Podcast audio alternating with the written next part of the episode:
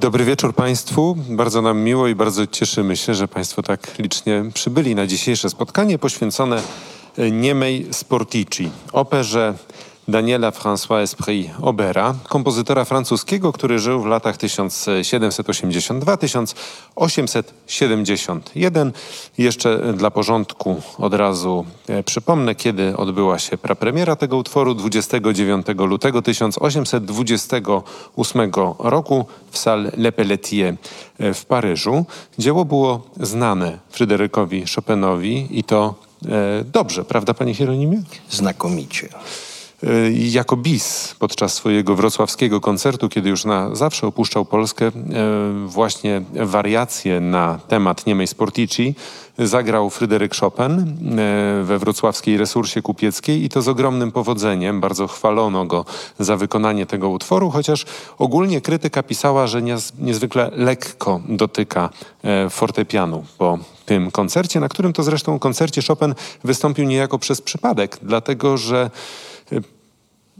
odwiedził kapelmistrza, który prowadził próbę w sali resursy rano i spróbował jak brzmi fortepian. Zagrał kilka ze swoich wariacji e, Lacidarem Lamano na temat e, zdążywania Mozarta i tak wystraszył e, tym swoim lekkim uderzeniem pianistę, który miał tam wystąpić, że ten uciekł. No i Chopin musiał po prostu ratować kapelmistrza i wziąć udział w tym koncercie, na którym, jak mówię, wieczorem zagrał wariację na temat niemej Sportici, o której będziemy dzisiaj rozmawiali i w związku z Chopinem, ale także w związku z ogólnym tematem naszych trzech operowych spotkań, który dotyczy bardzo szeroko na to patrząc e, związków polityki i muzyki, muzyki operowej przede wszystkim. Opery i historii. Spójrzmy na bohaterów tego dzieła. Mazaniello to jest e, rybak neapolitański. Fenella to jest jego siostra i to jest partia tańczona. Partia tańczona, a nie e, śpiewana. To jest niezwykle ważne, dlatego że mm, w owym czasie to było coś zaskakującego, chociaż tych niemych w operze i e, w teatrach pojawiało się e, w XIX wieku bardzo wiele.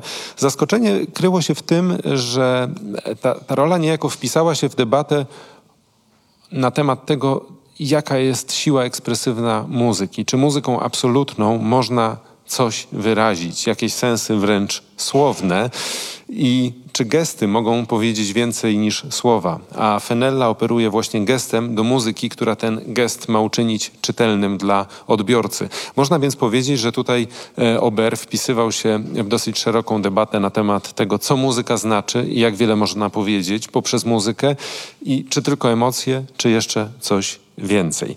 Kolejni bohaterowie to jest Alfons, e, który jest e, synem wicekróla Neapolu. W Neapolu rządzą Hiszpanie, o czym więcej powie pan profesor e, w dalszej części naszego spotkaniu. Mamy towarzyszy Mazaniella, Pietra, Borelle i Moreno. Mamy oficera, e, oficera mm, hiszpańskiego służącego wicekrólowi Selwę, damę do towarzystwa Elwiry i wreszcie powiernika Alfonsa Lorenza. Mazaniello to jest partia tenorowa, podobnie Alfons.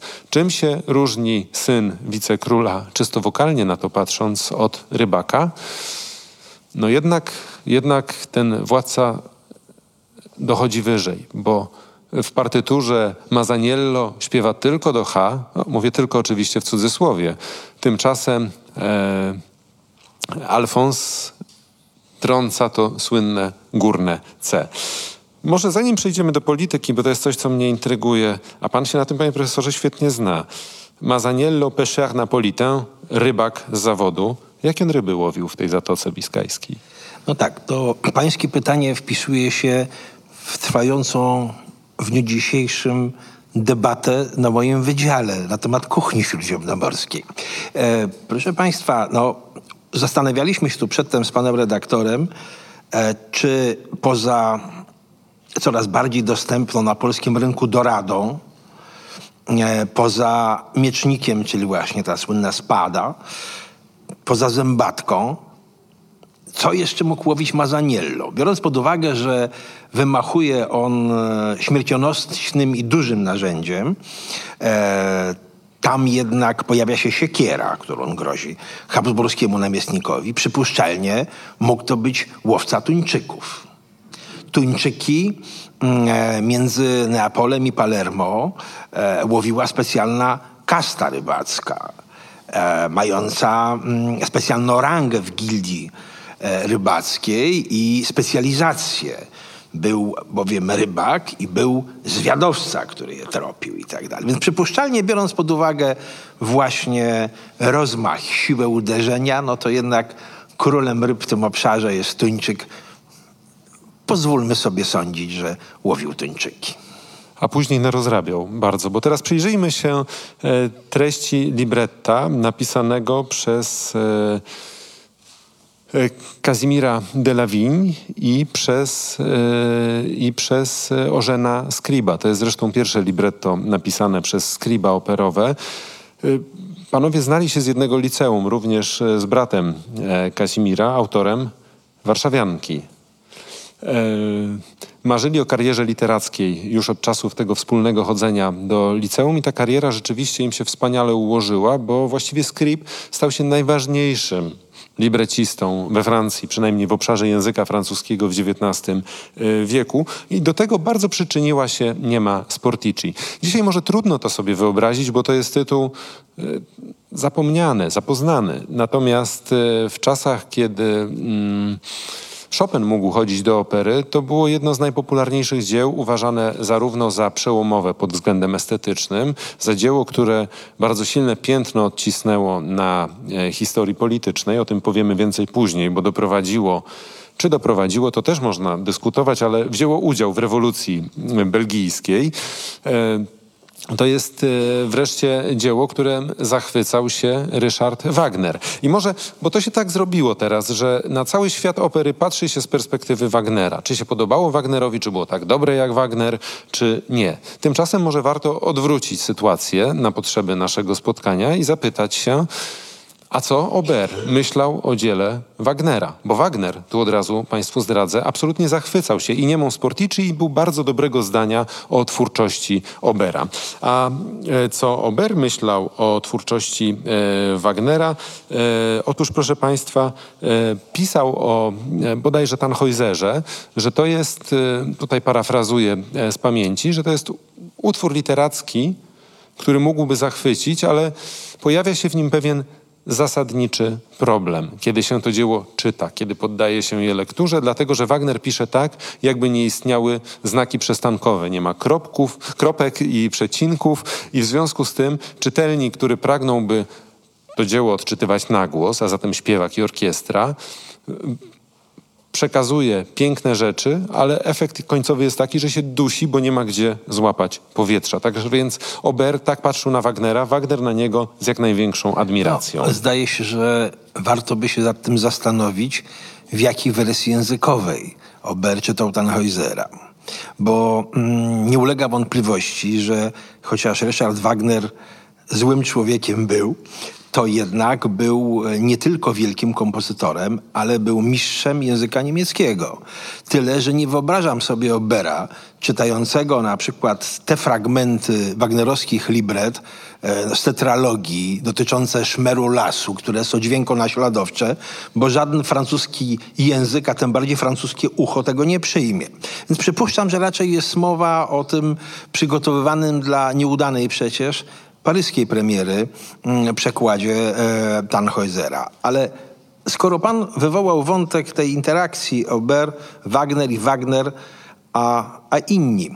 E, rzeczywiście, Wagner, który nie był specjalnie sympatycznie nastawiony do kolegów francuskich, czego najlepszym dowodem jest takie wyjątkowo nieprzyjemne stwierdzenie pod adresem człowieka, któremu wiele zawdzięczał, Giacomo Meyerbeera, kiedy... E, który, no, który niezupełnie był Francuzem. No tak, ale był jednak paryskim, paryskim kompozytorem uznawanym przez Francuzów za swojego. Włosi go za swojego nie uważali, więc chyba jednak A teraz był... przyznają się Niemcy. Jako niemiecki no tak, Żyd jest tak, e, tak. w Berlinie tak. uznawany no, za... Ale Izrael się nie przyznaje, w związku z czym mamy sytuację ja o tym jasną. Nie wiem. Tak. Natomiast, natomiast problem polega na tym, że po swojej klęsce Wagner wyjeżdżając z Paryża, zamiast dziękować Meyerbeerowi, który go promował, mówi, że wyjeżdża z wstrętnego miasta, w którym śmierdzi Meyerbeerem i syfilisem. Ale kiedy umiera Ober, w tym roku pisze nekrolog Obera, gdzie z pewnym, e, ja bym powiedział, żalem chyba wewnętrznym zwraca uwagę, że Oberowi przydarzyło się coś, co się nie zdarza w sztuce współczesnej, że jego dzieło wywarło wielki wpływ na historię i wydarzyło się coś takiego, co jest tego dowodem. Natomiast trzeba przyznać, że widocznie Ober na to zasłużył, bo też proszę Państwa, jedną tylko sceną ze swojego życia towarzyskiego, z kontaktu z innymi kolegami, bez wątpienia Ober pokazał, jak wartościowym był człowiekiem. Jest taka piękna scena z paryskiego śniadania, kiedy przy stole siedzi Rossini, siedzi Ober, siedzą pozostali Włosi, tam w Bellini siedzi. I, I wtedy Ober mówi, że będąc już w glorii sławy, patrząc na Belliniego, mówi, że oddałby wszystko, co napisał w życiu, żeby raz w życiu udało mu się skomponować coś takiego jak Casta Diva, jak Arię Normy. A to jest piękny hołd złożony koledze. Może dlatego Wagner, który nie był życzliwy wobec kolegów, jednak docenił to bezinteresowność i raz w życiu okazał się być porządnym człowiekiem. E, czy jeden, to, to byśmy pewnie dyskutowali, ale wyszlibyśmy poza e, ramy naszego e, dzisiejszego e, planu.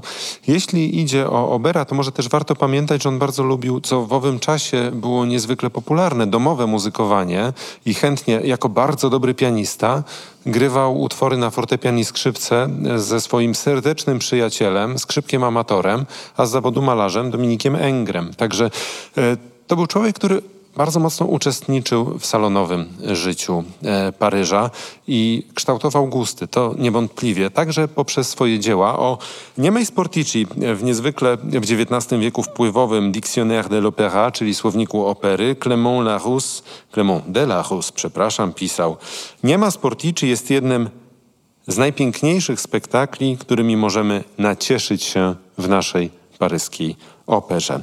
I to jest rzeczywiście utwór, którym można się nacieszać i to znajdowało także swój wyraz w opracowaniach, których jest sporo. Czy były to takie improwizacje, jakie Chopin zagrał we Wrocławiu? Swoją drogą jaka szkoda, że nie, nie mamy możliwości usłyszeć tego, co zagrał Chopin. Na pewno nie zbliżymy się e, jakością dzieła do ideału Chopinowskiego, ale zbliżymy się do salonu paryskiego, słuchając kolejnego utworu, który został specjalnie na dzisiejszy wieczór przygotowany, za co też bardzo panu Krzysztofowi Książkowi e, chcieliśmy e, podziękować. To jest, proszę Państwa, salonowa kompozycja. W owym czasie e, grywało się popularne melodie w domach i grywali to często amatorzy, czy też ludzie, którzy nie byli z zawodu e, muzykami. I myślę, że ten utwór właśnie w taki y, prąd, w taki kierunek by się wpisywał, a mówię tutaj o kompozycji Ferdynanda Bejera, kompozytora skądinąd dzisiaj chyba y, niepamiętanego. Na pewno Wagner nic złego o nim nie powiedział. E, nie dostrzegł. Nie dostrzegł tego, co pan Beyer chciał światu zaproponować. A chciał zaproponować między innymi bukiet melodii z niemej Sportici. Bouquet de Melodie. Tak się to dzieło nazywa. Pan Krzysztof Książek, bardzo proszę.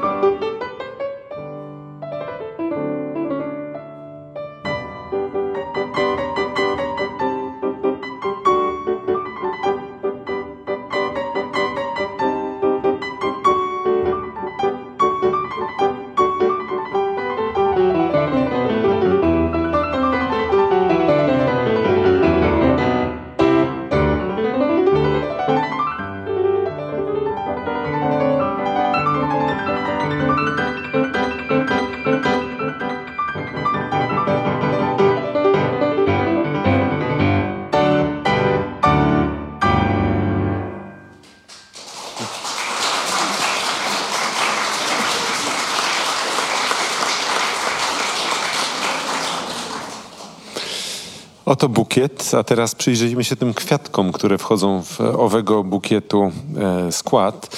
Bo jeszcze nie powiedzieliśmy Państwu, że nie ma Sportici uważana jest za pierwszą w historii Grand Opera i tutaj e, to jest wielka zasługa Obera, bo stworzył gatunek e, właściwie emblematyczny, ikoniczny dla kultury, dla sztuki Francji XIX wieku. No nie tylko Francji. To jest opera totalna. Jak długo nie przyjdzie porządkować sceny właśnie Wagner, to jest to konstrukcja, która zawiera sobie wszystko ku rozrywce pożytecznej i pouczającej publiczności, a więc teatr dramatyczny, muzykę, mm, e, ogromne fundusze na wystawienniczą stronę, na kostiumy, na choreografię. To jest, powtarzam, sztuka totalna. To rzeczywiście zawierało sobie wszystko. E, Wagner używa pojęcia Gesamtkunstwerk, czyli totalne dzieło sztuki i określa siebie jako wynalazcę tego e, właśnie gatunku, zawierającego wszystko. I tutaj Francuzi zaczynają się dzisiaj coraz głośniej z Wagnerem spierać, bo mówią, halo, panie Wagner, ale Gesamtkunstwerk to było już u Obera i to nawet szerzej rozumiane, bo u nas była jeszcze pantomima, a u Wagnera pantomimy, o ile pamiętam, e, ściśle zapisanej w partyturze, przynajmniej nigdzie, Partyturze nie. e, nigdzie nie ma. Natomiast tutaj, o czym już wspominałem, rzeczywiście e, ta pantomima odgrywa ogromnie ważną rolę w historii, które, którą może teraz powinniśmy Państwu e, przybliżyć. Libretto Ożena Scriba i Germaina de la Vigne. E, Libretto, które zresztą nie było zupełną nowością w Paryżu, kiedy odbywała się premiera tego utworu, bo e, kilka lat przed premierą, czyli przed 828 rokiem, w roku 1825 można było zobaczyć e, w Paryżu operę e, Michele Carafy, włoskiego kompozytora, zatytułowaną Mazaniello albo Rybak Neapolitański i dlatego już Ober nie mógł napisać Mazaniella, nie było tytułowego bohatera, tylko pojawiła się tytułowa bohaterka nie ma Sportici, co też jest pewnym paradoksem, bo to bohaterka opery to postać, która nigdy się w tej operze nie odzywa. Zresztą to jest partia, którą z wielkim powodzeniem i e, często bardzo aspirując do, do tego, by tę partię móc wykonywać, e, realizowały wspaniałe baleriny. Nie tylko baleriny. No też Mamy- kocha, kochanki dyrektorów teatrów No, też. no jeżeli, jeżeli pan redaktor, kochanko dyrektorów teatrów, e, nie grzeszywszy przeciw prawdzie, nazywa Pole Negri, to owszem, ale to Pola Negri w 15 roku słynęła swoją interpretacją niemej w Warszawie. Y, Akcja toczy się w roku 1647 w Neapolu, który stanowi wówczas posiadłość hiszpańskich Habsburgów. I może tutaj powinniśmy szerzej spojrzeć na tło historyczne tego utworu. Proszę Państwa, mm, rozumiem, że to jest przypisane do mnie. E, Ja spróbowałbym spojrzeć na tę historię z pewnego polskiego kontekstu. Otóż mamy wielki konflikt europejski, wojnę trzydziestoletnią. Konflikt, który pustoszy całą Europę, ale nie dotyka bezpośrednio jej, powiedzmy to, peryferiów schowanych, a to bezpiecznie za Alpami. Niech mi Włosi wybaczą, że Italię nazywam peryferiami ówczesnej Europy, ale tam rzeczywiście Italia jest spokojna i specjalnie może poza północnymi obszarami nienadgryziona e, przez wojnę.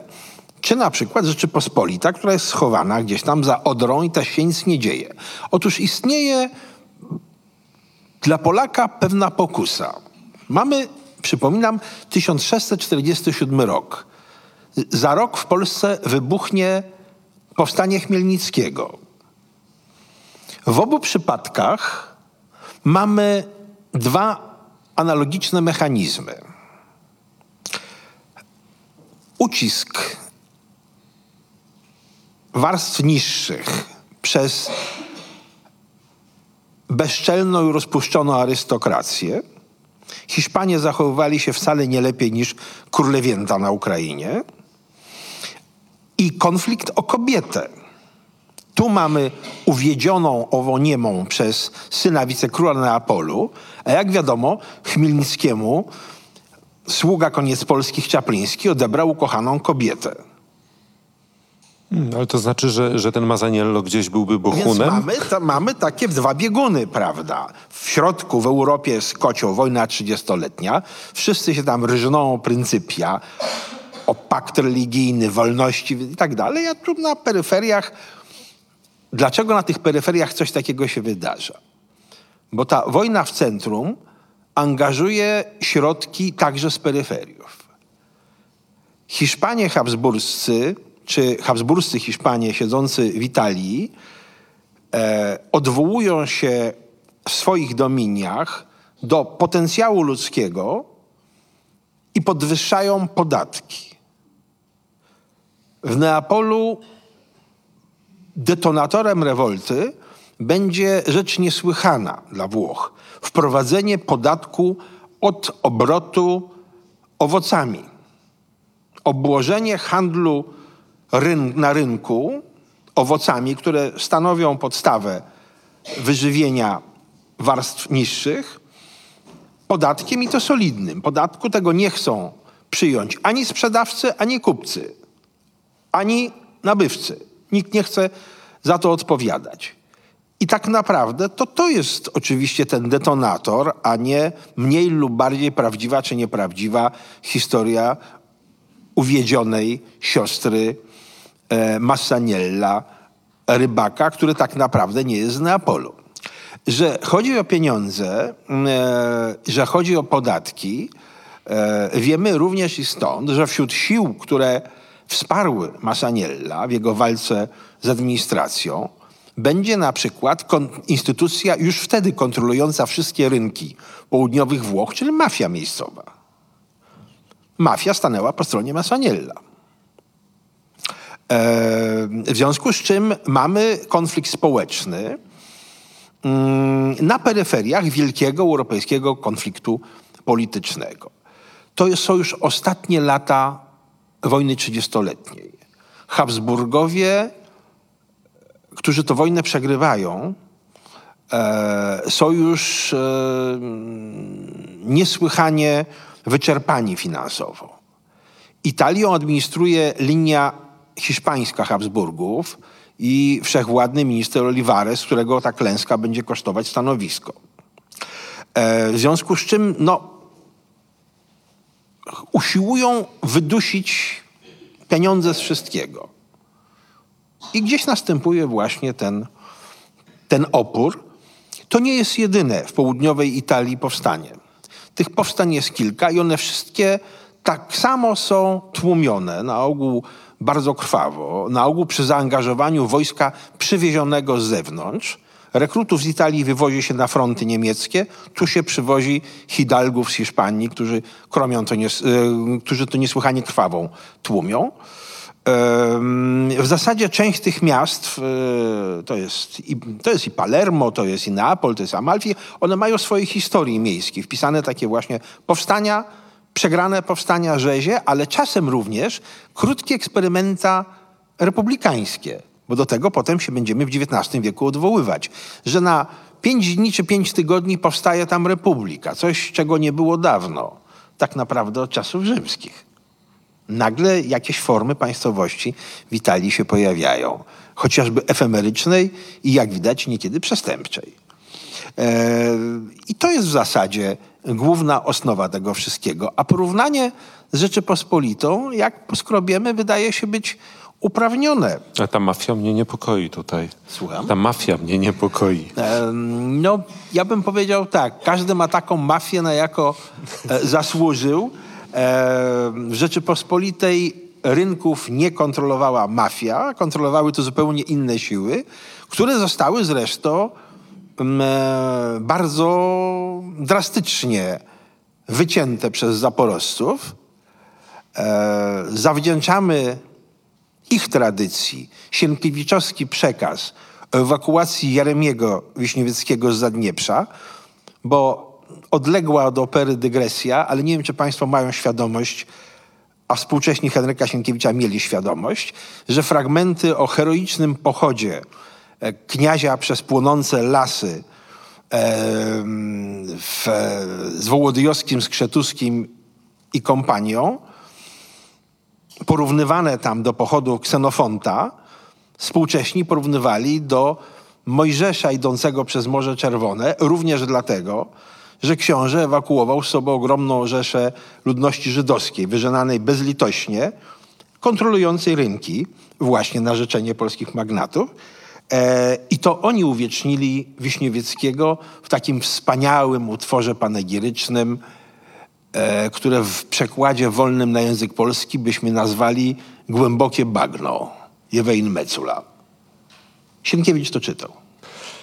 Opera o podatkach i wojnie. O korzyści z niepłacenia podatku. E, byłaby możliwa oczywiście, ale e, w, o ile pamięć mnie nie myli, w tradycji Grand Opera e, takie dzieło się nie zdarzyło i takim też nie jest Niema Sportici, bo tutaj ten wątek romantyczny i miłości braterskiej i gniewu spowodowanego przez uwiedzenie Niemej, Sportici, czyli Feneli, jest obok tego tła politycznego jednak głównym wątkiem intrygi. Historia jest taka, że e, ten e, książę Alfons ma poślubić Elwirę. Do tej przychodzi e, Fenella, która zbiegła z aresztów, do którego zresztą e, wtrącił ją wicekról, bo wiedział, że może przeszkodzić w szczęśliwych zaślubinach. I na migi opowiada o swoim nieszczęściu Elwirze Fenela, o tym, jak została uwiedziona. Wkrótce okazuje się, że tym, który ją uwiódł, jest narzeczony Elwiry.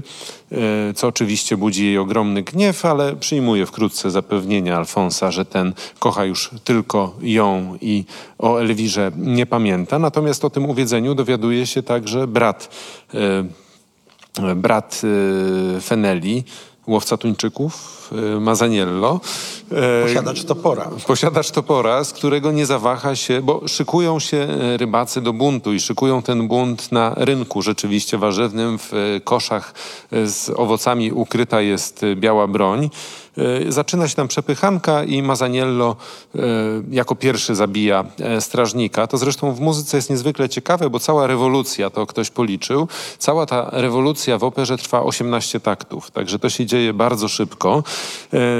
No ale nie ma happy endu, dlatego że Mazaniello zaczyna nadużywać władzy, udziela prawem gościny schronienia i Alfonsowi i Elwirze, czego i jego wspólnicy nie mogą mu wybaczyć i zabijają go, a nieszczęsna nie ma, rzuca się e, w przepaść. E, a w tle na koniec, bo to są te efekty Nie specjalne. przepaść. To jest krater wulkanu. A no właśnie, bo... To bo jest dopiero efekt. No więc właśnie, a to nie jest wybucha. jakaś sobie toska. To jest poważna operacja. Przepaść wulkaniczną.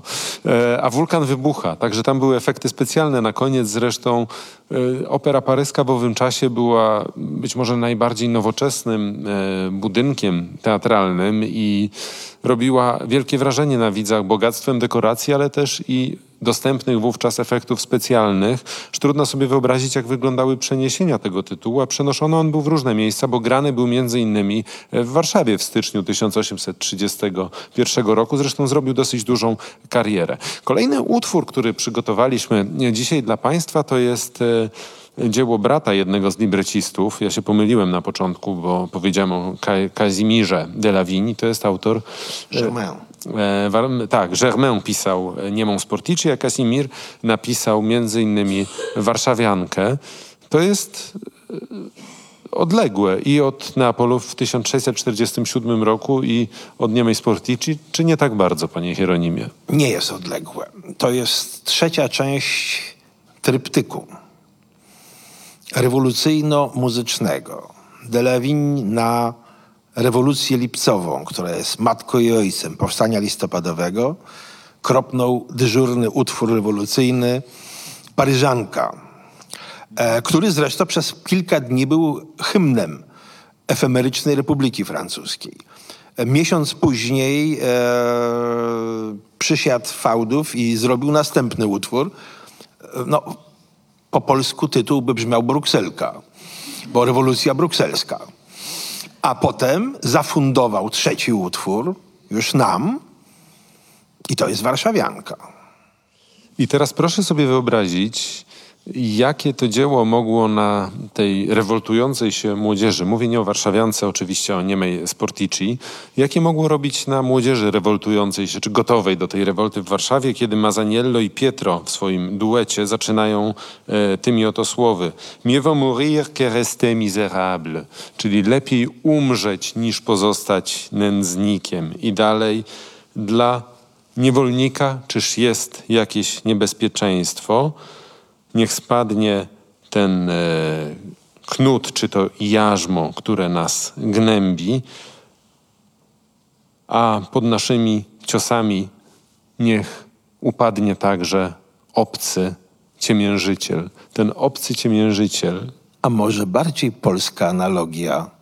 Przecież w polskim przekładzie wielki duet buntu to jest święta miłości ojczyzny to tak przypomina przecież pieśń z insurrekcji kościuszkowskiej Święta Miłości Kochanej Ojczyzny. Znakomicie osadzone w polskich realiach i odwołujące się do czegoś swojskiego. Więc to jest dzieło, które jest jak beczka prochu w pewnym sensie. Z drugiej strony kończy się e, aktem zbiorowego mea culpa, jak to określił jeden e, z krytyków, bo rewolucja upada, a władza rozkwita. Także nie ma tutaj zwycięstwa rewolucji. Było zwycięstwo nad cenzurą, bo przecież pierwotnie zażądano od Obera, że opera ma się kończyć e, błaganiem ludu wobec władcy, który ma okazać miłosierdzie. No zamiast tego wybuchł wulkan. W związku z czym może jednak e, to nie ta erupcja. E, to posłuchajmy teraz warszawianki, pan Krzysztof Książek.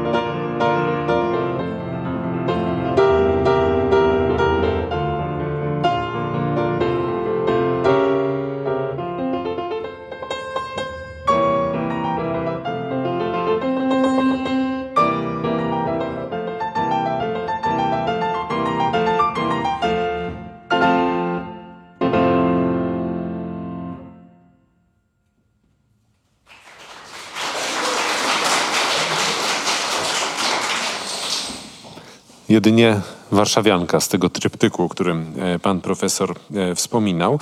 Spójrzmy na stroje. Mazaniello jest e, na premierze ubrany z neapolitańska, ale to się w Paryżu bardzo mocno kojarzy, bo to nakrycie głowy, które nosi, wygląda jak czapka frygijska. I tu skojarzenia są raz z teatrem dramatycznym, który pokazuje realia antycznego Rzymu, ale dużo silniejsze z tym, co działo się po rewolucji francuskiej i czasem terroru. I sam widok Mazaniella może tę paryską publiczność, której część jeszcze może po prostu pamiętać e, rok 1792, może wywoływać bardzo mocne skojarzenia. Czy to oddziaływało na odbiór dzieła?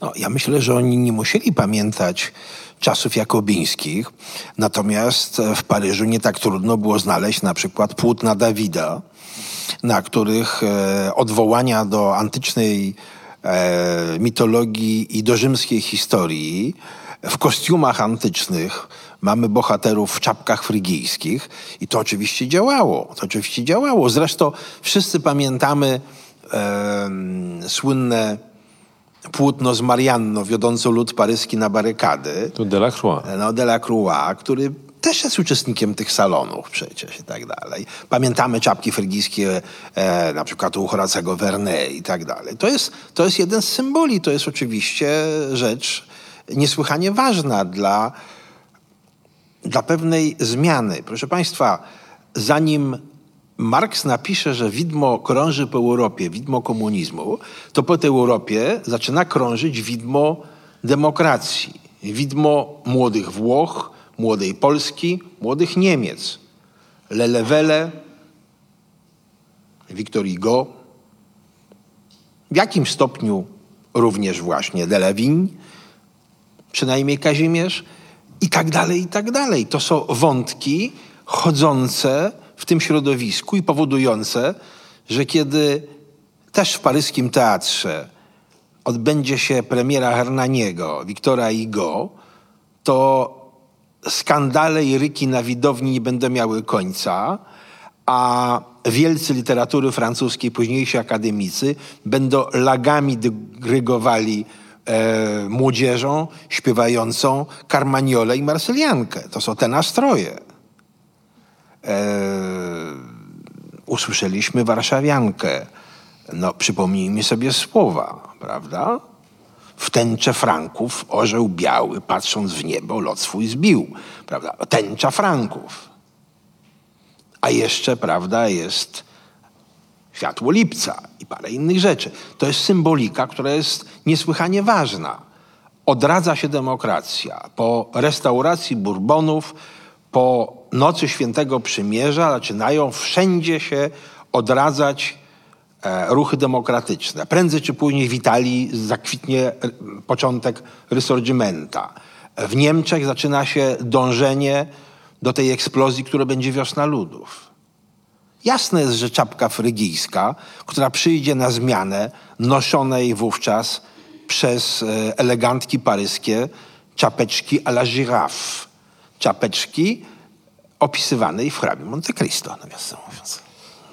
Mamy pominięty przez pana, myślę celowo tutaj kraj, czyli e, Belgię. W Belgii, w Brukseli niemą Sportici grano zanim wybuchła rewolucja. Musiały zaistnieć warunki i społeczne, i polityczne, i takie wrzenie się musiało w mieście pojawić, żeby spektakl 25 sierpnia 1830 roku jak się przyjmuje? Chociaż tutaj w różnych źródłach można różne opinie na e, ten właśnie temat e, przeczytać, ale jak się przyjmuje, to była ta iskra na beczkę prochu, jaką w, w owym czasie była Bruksela i właśnie ten przytoczony przeze mnie duet, bo już publiczność nie doczekała do końca. Wstali, śpiewali i wybiegli na ulicę i dalej rzecz wymknęła się spod kontroli. Zanim oddam panu głos, jeszcze powiem, że później Belgowie wdzięczni teatrowi za to, że sprowokował rewolucję, będą najbardziej liberalnym społeczeństwem, to znaczy Mm, cenzura będzie najmniejsza wobec teatru operowego w Belgii przez długi czas całej Europy. Będą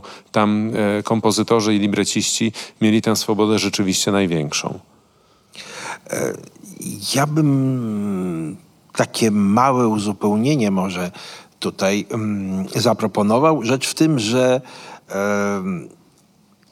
stare sądowe powiedzenie, że kłamie jak naoczny świadek, różni, odnosi się dosyć dobrze do świadków naocznych owego spektaklu brukselskiego. Bo jedni twierdzą, że to właśnie po duecie mm, nastąpiła eksplozja, drudzy, że to po, tym, po tej wielkiej scenie z trzeciego aktu, kiedy jest apel do broni, do broni, że to właśnie tu przeważyło i oni pobiegli właśnie chwycić za, za broń.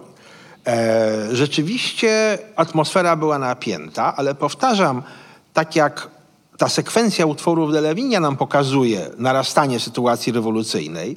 Bez wybuchu w Paryżu nie byłoby rewolucji belgijskiej, bo nie byłoby poczucia poparcia frankofońskiej mniejszości w państwie, większości, która była mniejszością, bo akurat frankofonów było wtedy więcej e, w tym połączonym królestwie Niderlandów. E, no ale tym niemniej byli opresjonowani. Poczucie, że Francuzi ich poprą, podziałało na nich tak prawie, jak na nas na Wisło, bo myśmy też myśleli, że Francuzi nas poprą. E, nas poparli mniej, krótko mówiąc. No, mieli trochę e, dalej. E, tak, mieli trochę dalej i trochę trudniej. E, natomiast e, rzeczywiście e, To odegrało jakoś rolę. To oczywiście odegrało jakoś rolę. To wyprowadziło ludzi na ulicę. E, słusznie pan redaktor wspomniał, że grano to wcześniej, bo jakby nie grano wcześniej, to publiczność nie mogłaby wstać i śpiewać z artystami. Mimo wszystko salonowe muzykowanie nie daje takiej eksperiencji. Żaden bukiet. Tak, tak, żaden bukiet. Ale to rzeczywiście, rzeczywiście eksplodowało. E, zaatakowano ratusz, zaatakowano Pałac Sprawiedliwości. E, przy okazji, tak a propos tej liberalnej cenzury, spalono wydawnictwo i urząd cenzorski, ale jedno w parze z drugim. E, co prawda wydawnictwo należało do cenzora, więc może dlatego. E, no i się to przetoczyło przez kraj.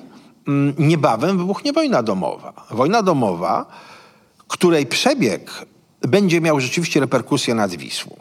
Otóż mało kto pamięta już teraz, że myśmy nie tylko o własną wolność walczyli w 1930 roku. Sęk w tym, że po raz drugi w ciągu kilku lat armia Królestwa Polskiego mogła być rzucona przez monarchę, czyli króla polskiego i cara Wszechrusi, na inny front. Rozważano użycie polskich wojsk do stłumienia powstania belgijskiego, co z kolei u nas było postrzegane jako wojna z Francją. Proszę Państwa, no, społeczeństwo, które żyje legendą napoleońską, społeczeństwo, które w tym prezencie od Francuza Lewin ma słowa hej Francuzi, czyż bez sceny, prawda? Nasze rany dla was są.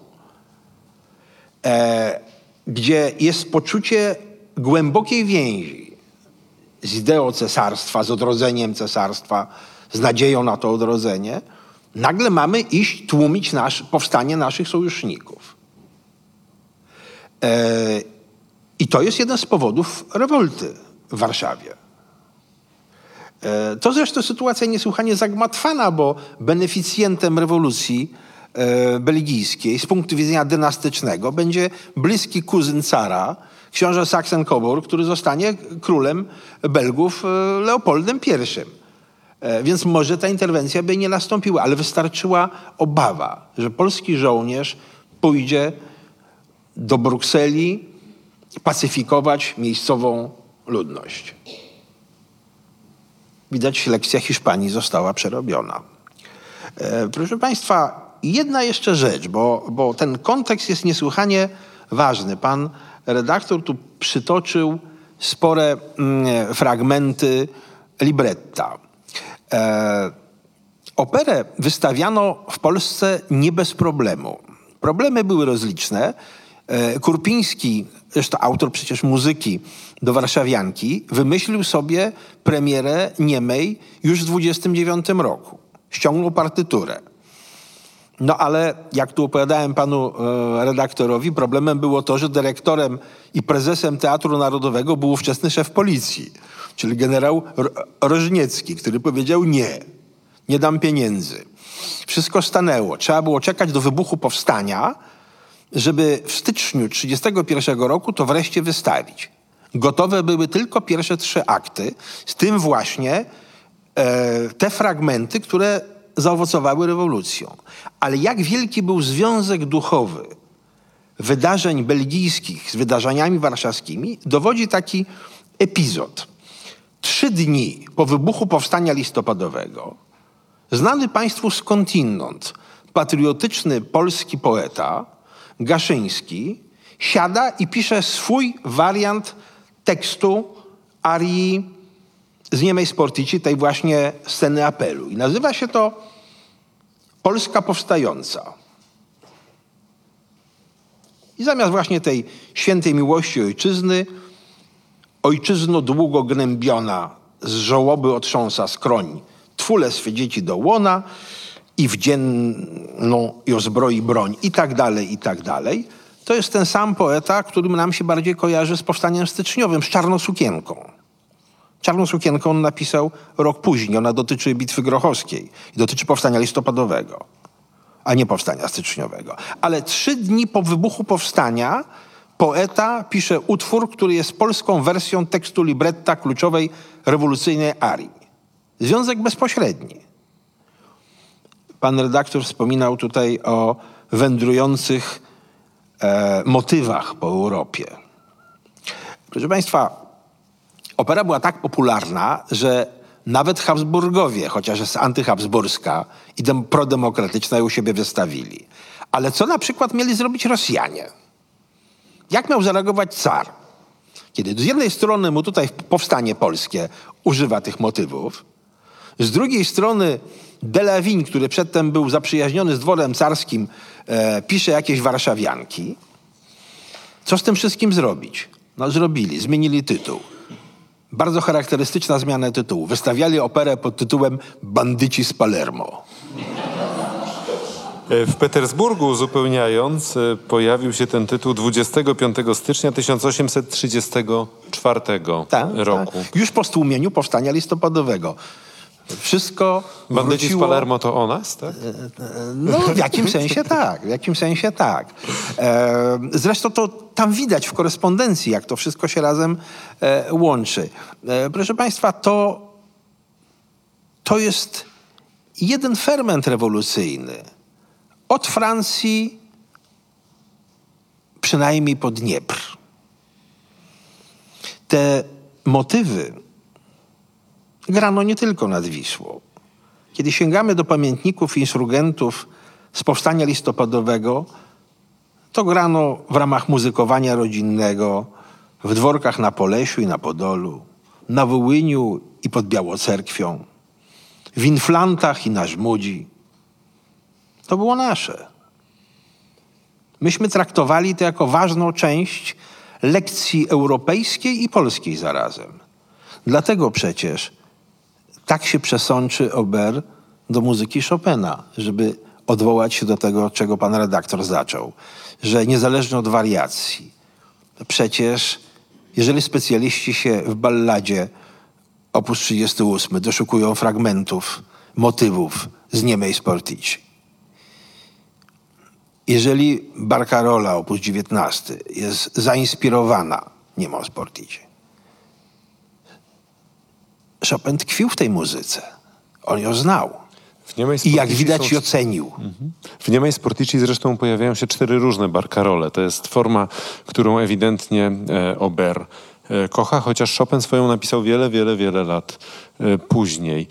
No ale teraz, proszę Państwa, mamy w uszach ten bukiet melodii, zdawałoby się zupełnie niewinnych, a zastanówmy się, co Chopin w tej resursie kupieckiej 9 listopada 1830 roku być może chciał powiedzieć, grając na biste wariacje, po tym jak wykonał drugą i trzecią część swojego koncertu E-moll.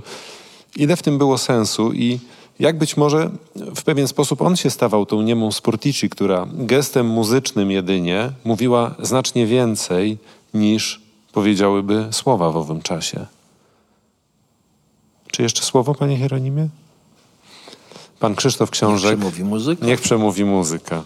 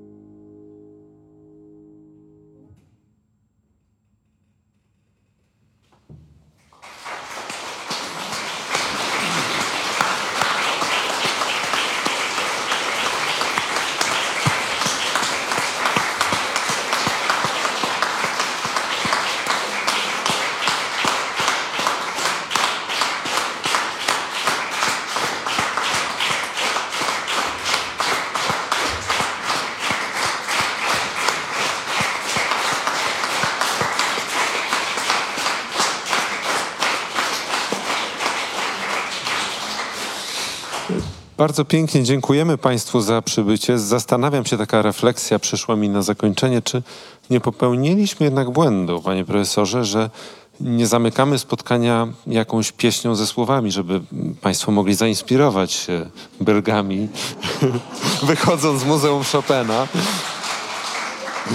To pytanie robocze pan redaktor zaintonuje.